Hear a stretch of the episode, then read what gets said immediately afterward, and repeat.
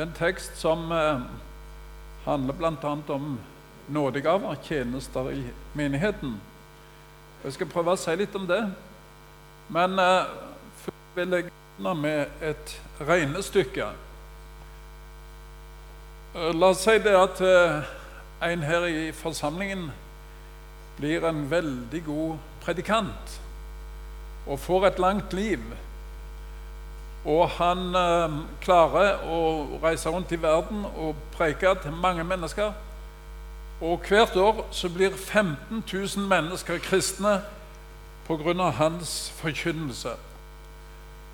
Hvor mange år vil det da gå før alle mennesker i verden er kristne, hvis han får lov å fortsette sånn? Det er ikke lett å ta det som hovedregning, men eh, det skal gå da en ca. 1500 år, så er alle kristne. Men eh, la oss si det at eh, jeg i år eh, klarer å vitne for en person, og eh, han eh, kommer til å tro på Jesus. Og neste år så klarer både jeg og han vinne hver vår for Jesus. Og året etterpå det så klarer jeg og han og de to som vi vant, vinne én for Jesus. Og sånn fortsetter det.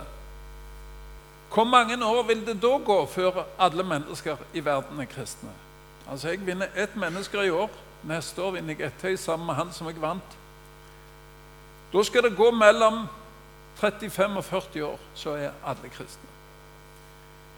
Så det regnestykket viser oss at hva er det som er viktig? Jo, det er at enhver tar det kall alvorlig og vitner for Jesus. Bruker den nådegave som han har fått som kristen, og er med og sprer ut evangeliet. På den måten kan evangeliet nå ut til mange mennesker. Ikke med at én person klarer å gjøre alt alene. Vi har lest fra Efeserbrevet. Og Jeg vil begynne med en av mine kjepphester. Det er å ta litt informasjon rundt dette brevet og rundt han som skriver dette brevet. Så da eh, vil jeg først få opp et kart. Og eh, hvis det lykkes, så kan vi snakke litt ut ifra det. Og det er sånn at um, Efesus som får dette brevet, det er her i Lille Asia, eller Tyrkia i dag. Lille Asia. Han som skriver dette brevet, det er Paulus. Han skriver det ifra Rom, Roma. Og der sitter han i fengsel. Dere kan se det når dere leser brevet, at han skriver at han er i lenker. Så Paulus skriver altså fra fengsel i Rom, der sender det med en venn den lange reisa til Efesus. Og Det er et brev som ikke har noen personlig adressat, sånn at det brevet ble sirkulert til mange menigheter her i området. Og I det brevet så snakker Paulus om viktige ting. Der i Efesus der hadde Paulus bodd i tre år ca. Og han hadde vært med og bygd opp den menigheten i Efesus fire-fem år, kanskje seks år tidligere. Og um, det var en by, Efesus, som var en av de viktigste byene i Lille Asia, som det kaltes. Og Der var det et berømt tempel, bl.a. fra um, Diana, Artemis. Og de var kjent for trolldomsvesen og magi.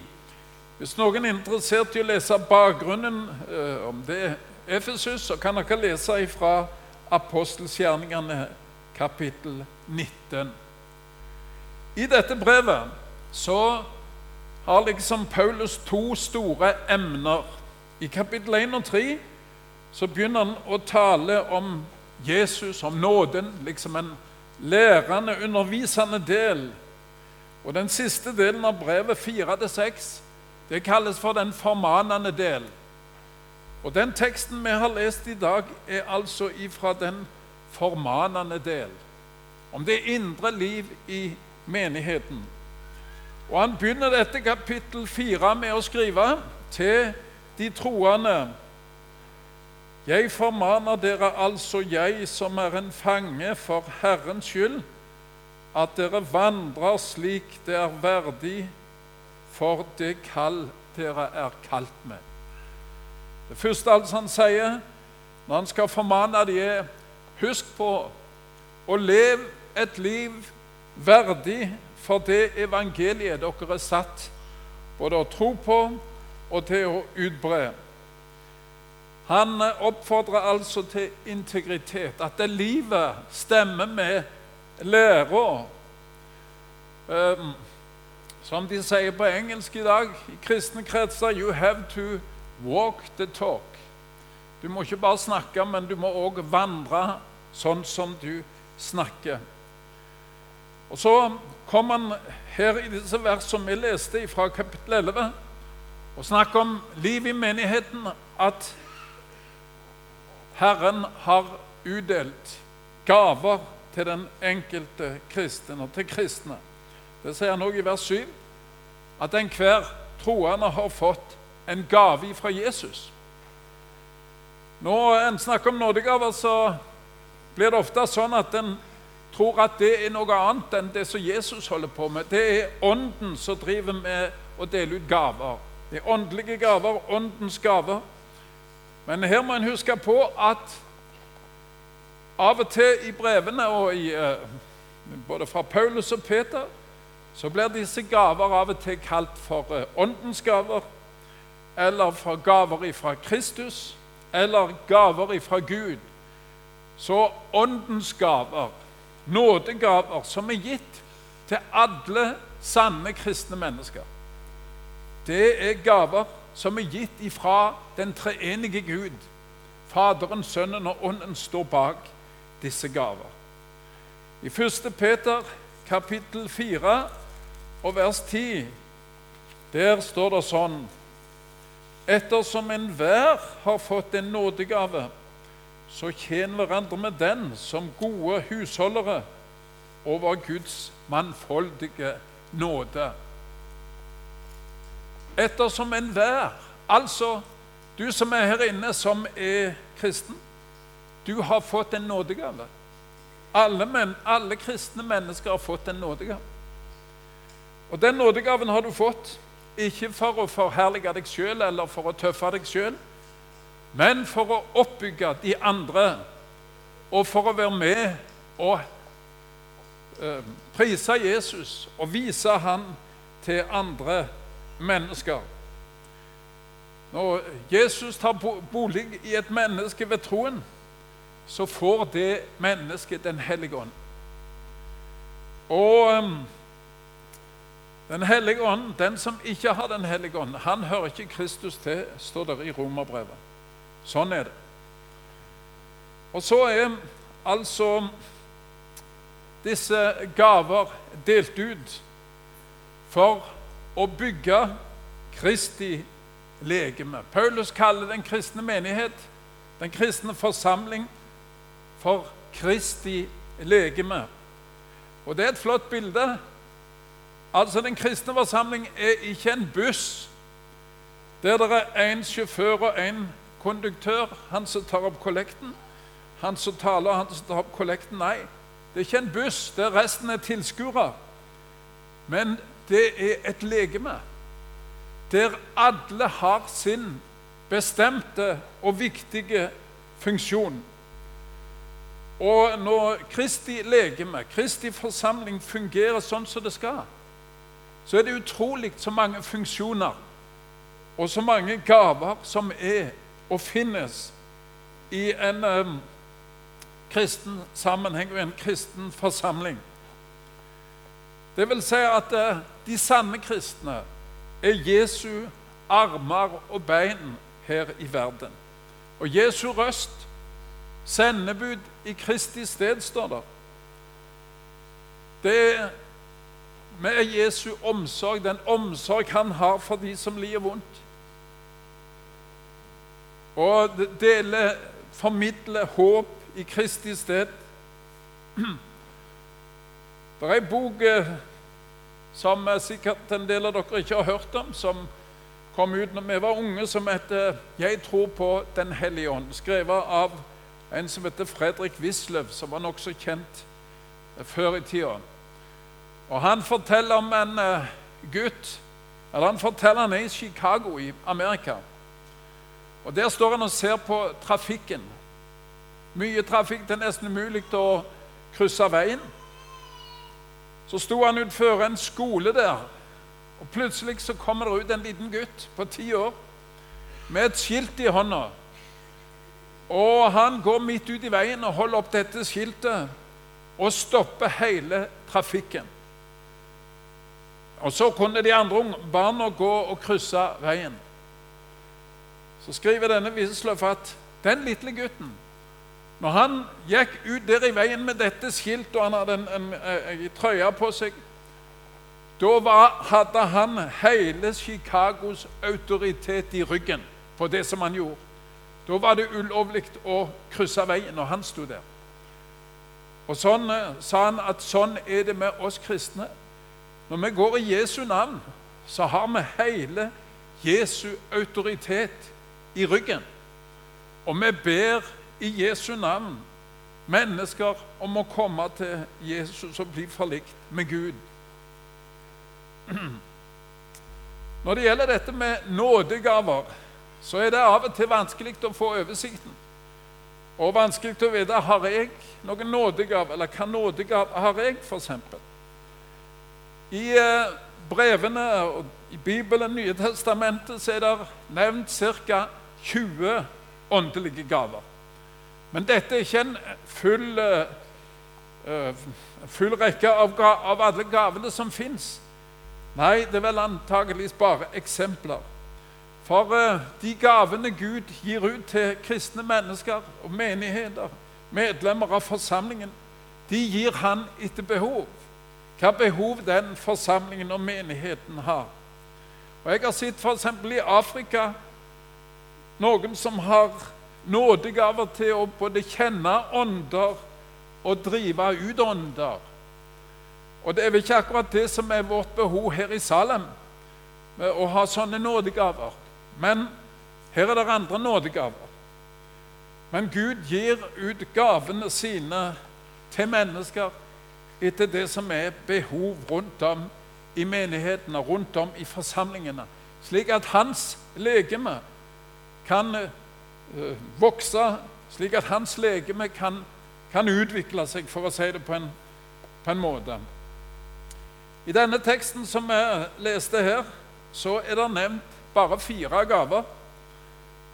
Da står det han er den som ga noen til apostler, noen til profeter, noen til evangelister, noen til hyrder og lærere. Noen til apostler. Altså, Det glemte jeg å si her, men når det gjelder dette med Kristi legeme, så har det minst to betydninger. En har Kristi legeme, det er den globale Guds menighet. Den menigheten som omfatter alle kristne på jord, er Kristi legeme på jord.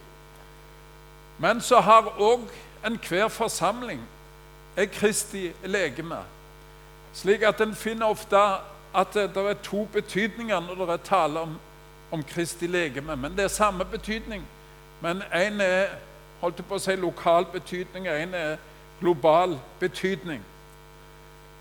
Han som ga noen til apostler. Apostler det er det ikke i dag. De lever ikke i dag. Det var de elleve, de tolv minus Judas pluss Paulus. Det var apostlene. Det var de som danna grunnlag for den kristne menighet. Det var de som var der på pinsedag.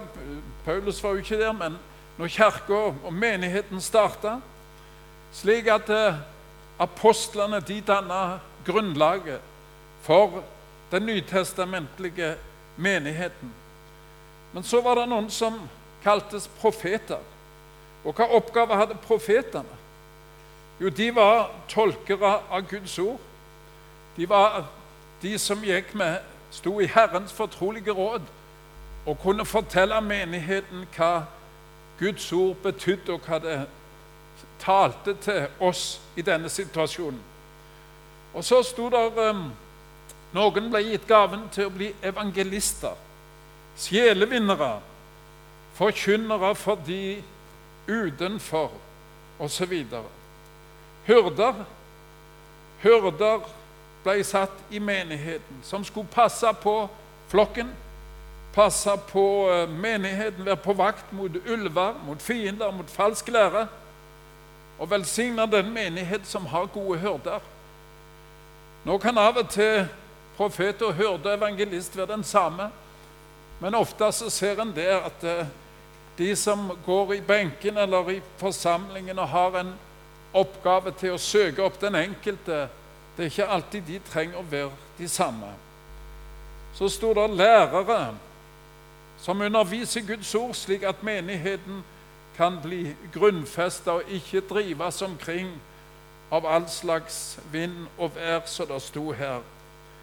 Og Disse fire slags nådegaver er liksom fundamentet for hele menigheten. Hvis det ikke er undervisning, da blir det, som de sier, da kan kirka bli én mil brei. Menigheten kan bli én mil brei, det kan komme masse mennesker, men bare en inch, en tomme djup. Det mangler noe på innsikten og dybden. Men selv om det er mange Derfor er dette med undervisning og lære det er utrolig viktig. Og hva er hensikten med disse gavene, som er det fundamentale i enhver menighet? Undervisning, hyrdeoppgaven osv. Jo, det der står i vers 12 for at de hellige kunne bli gjort i stand til tjenestegjerning, til oppbyggelse av Kristi menighet. Og eh, Derfor skal menighetens ledere med sine gaver være med og formidle Guds ord til resten av menigheten og være med og hjelpe til sånn at enhver finner sin nådegave, sin plass og sin, eh, sine oppgaver som passer med den gaven som jeg har fått, og den funksjonen som jeg har fått. For hvis en blir satt til oppgaver som en slett ikke passer til, eller slett ikke har gave til, så blir det veldig vanskelig. Men når enhver får oppleve at det er noen som ser meg og forstår hva oppgave som passer til meg, og som hjelper meg til å ta mot til å gå i de eh, oppgavene som passer for meg, så kan tjenesten bli både interessant og, og, eh, og nyttig for, for hele menigheten. Det sto litt videre her. Paulus sier at det, det som er viktig, det er å være sannheten tro i kjærlighet. Sannheten tro i kjærlighet. Det er noen plasser som en er sannheten tro, men ikke i kjærlighet. En passer på eh, det grunnleggende i læren osv., men klarer ikke å formidle den i kjærlighet. Og Dette skjedde rett og slett med menigheten i Efesus. Når vi leser om den i åpenbaringen 30 år senere, så står det der at de har eh, Det er en effektiv menighet, men de har ikke kjærlighet. De har forlatt sin første kjærlighet. Og så står det i eh, det siste verset så blir lest at det, i alle gaver og alle funksjoner i menigheten så må Kristus være det sentrale. Det er han som binder i sammen. Og det er han som må være det sentrale i alt som blir gjort. Og det er hans eh, Å fremme hans sak, så blir det sentrale som er det sentrale for alle gaver og alle sine gaver. Og um, så kan kanskje noen spørre Jeg lurer meg på dette med nådegavene. Hva er min nådegave? Ehm, er det noe spesielt som jeg får? Eller hvordan kan jeg vite om jeg har, eller hva min nådegave er? Eller hva er forskjellen eller likheten mellom en nådegave og en naturgave? Det er det mange som lurer på. Og Da vil jeg si det som jeg tror jeg har god dekning for, at eh, naturgavene de er også gitt av Gud. For Gud har jo skapt oss. Han har, det er Han som gir oss livet, og Han som holder oss oppe. Og naturgavene, alle som har fått gaver um, i det naturlige liv, det er gitt av Gud òg. Det må vi ikke glemme. Og ofte så ser en at en naturgave med en som blir kristen og følger Jesus, eller blir fornya i sin tro, så er det ofte en naturgave som blir forgylla og blir en nådegave. Gud tar gaver som allerede er der, og gjør det sånn at de blir eh, nådegaver på den måten at de blir til tjeneste for forsamlingen og for menigheten. Den hellige ånd tar en gave f.eks. hos en person som er sosial. Han liker å gå ut og snakke med folk. Det har han gjort kanskje hele livet. og Så tar Den hellige ånd den gaven, og så lar han hans evne til å kontakte folk og være glad i mennesker, så bruker han den i sin tjeneste. Det er noen som er flinke å synge, som vi har sett her hele denne oppstarthelga. Og det er mange som ikke er kristne, som er veldig flinke å synge. Det skjer ofte at eh, når en som er flink å synge, f.eks. blir kristen, så tar Gud den evnen og forgylle den og gjøre det slik at hans evne kan bli til å prise Herrens navn. Og Sånn kan en gå videre og se praktiske gjøremål. Folk som liker å gjøre praktiske ting, men kan ikke tenke at de skal stå på en talerstol, så, er der, så kan Guds ånd ta denne kjærligheten og evnen til praktiske ting og gjøre det til en tjeneste i den kristne forsamling. Men av og til så får den som kommer til Jesus, helt nye gaver. Totalt nye gaver. Det er eksempler på menn og kvinner som har vært veldig formelt. Men etter de er blitt kristne og møtt Jesus, så har de fått nådegaven til å forkynne Guds ord. Det har skjedd. Og Det har òg skjedd at den som har levd hele livet med en uvenn, eller noen mennesker men jeg, bare orker det ikke Etter et møte med Jesus så har han gjort det sånn at det, den følelsen blir til kjærlighet. Det hatet blir til kjærlighet.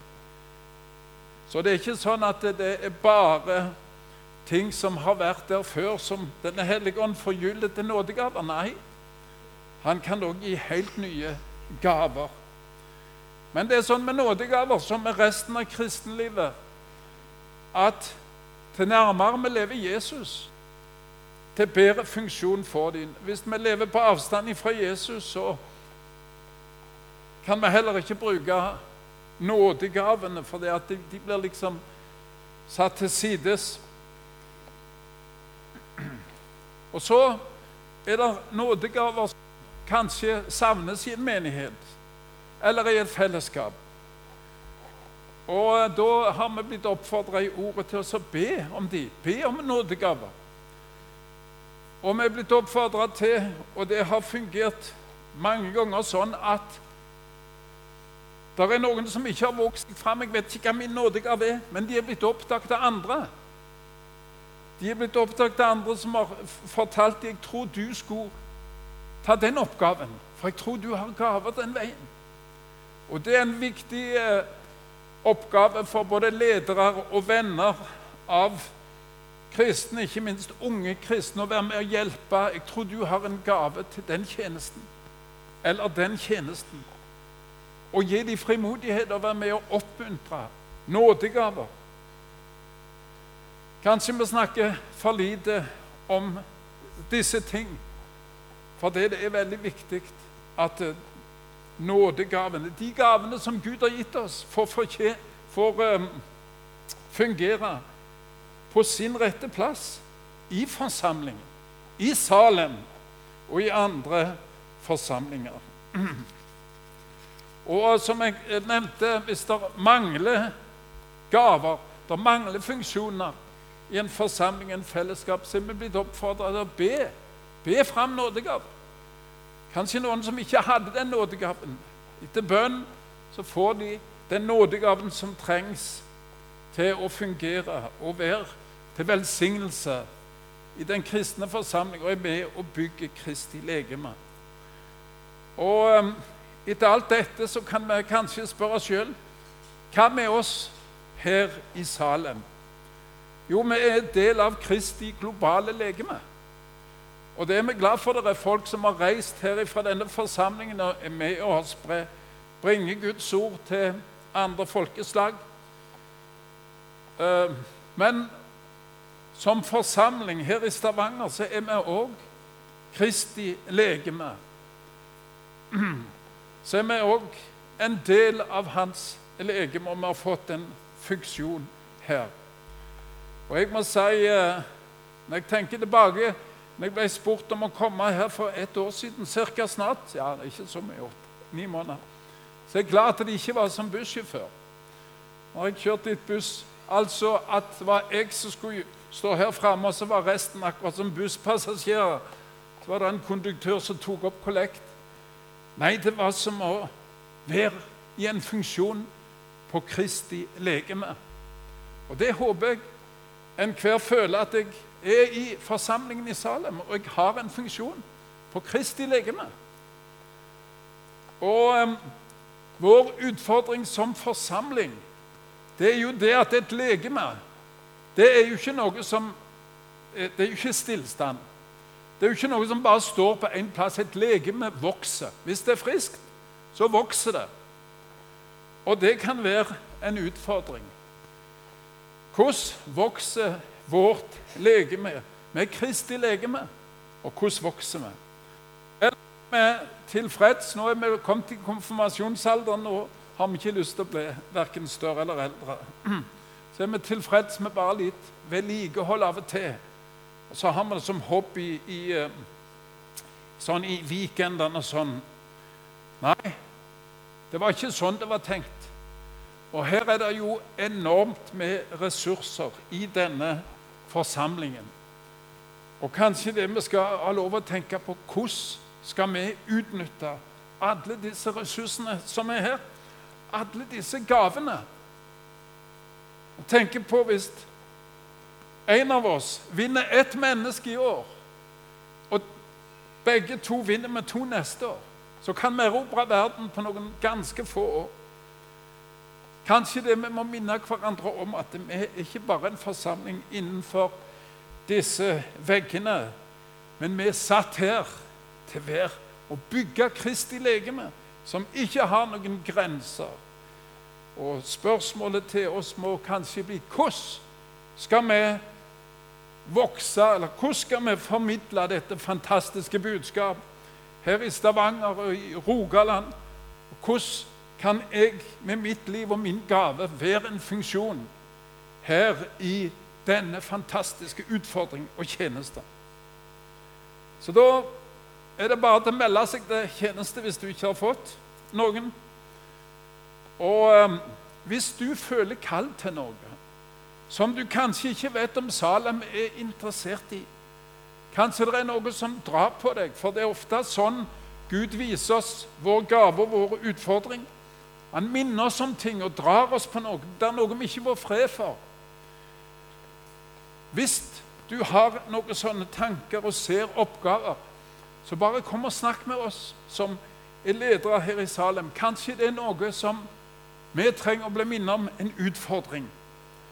Og så har vi hørt om søndagsskolen her. Det trengs folk i søndagsskolen.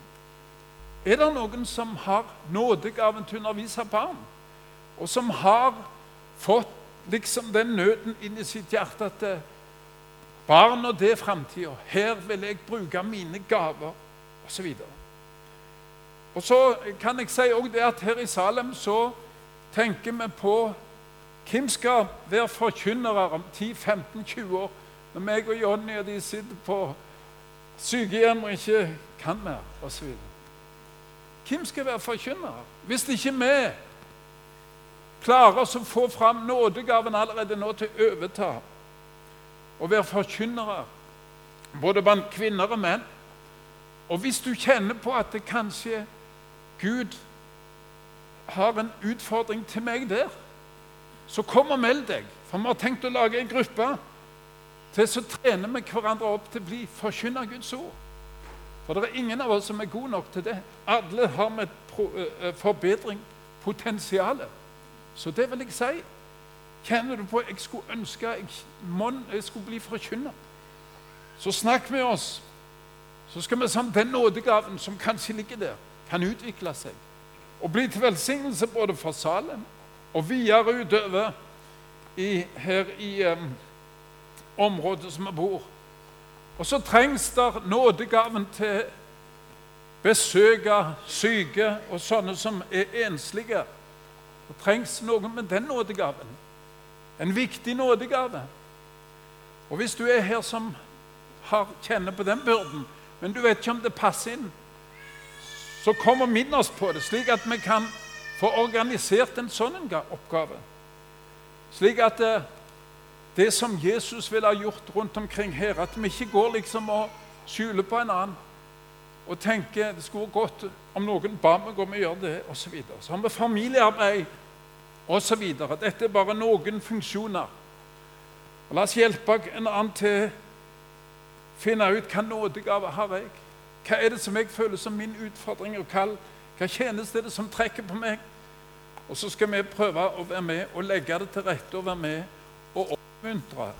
For det er i sammen. Når legemet fungerer sammen, det er da det kan skje noe. Hvis foten sa Hvordan er det det står? Hvis foten sa jeg vil heller vært øye, eller øra sa jeg vil heller vært hånd, at da begynner legemet å komme i strid med seg sjøl.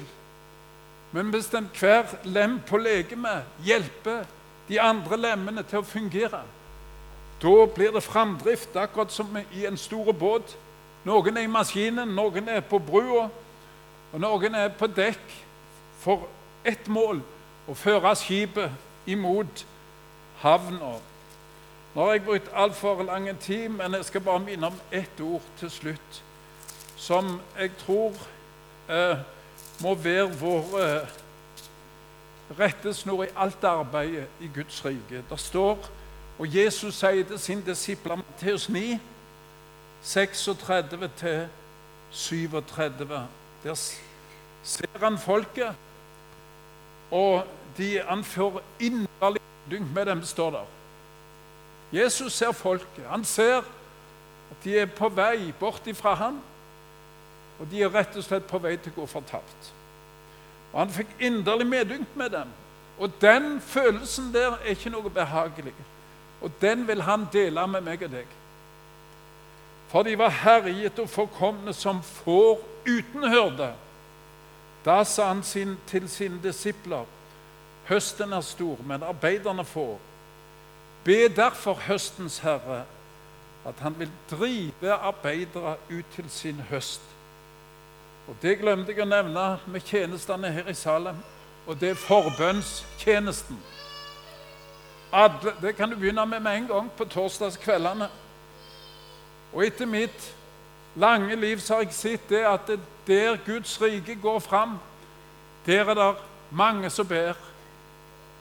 Der er det mange som ber. Og når bønn blir nedprioritert, da slutter kanskje legemet å vokse. Så det vil jeg gjerne minne om til slutt. Amen.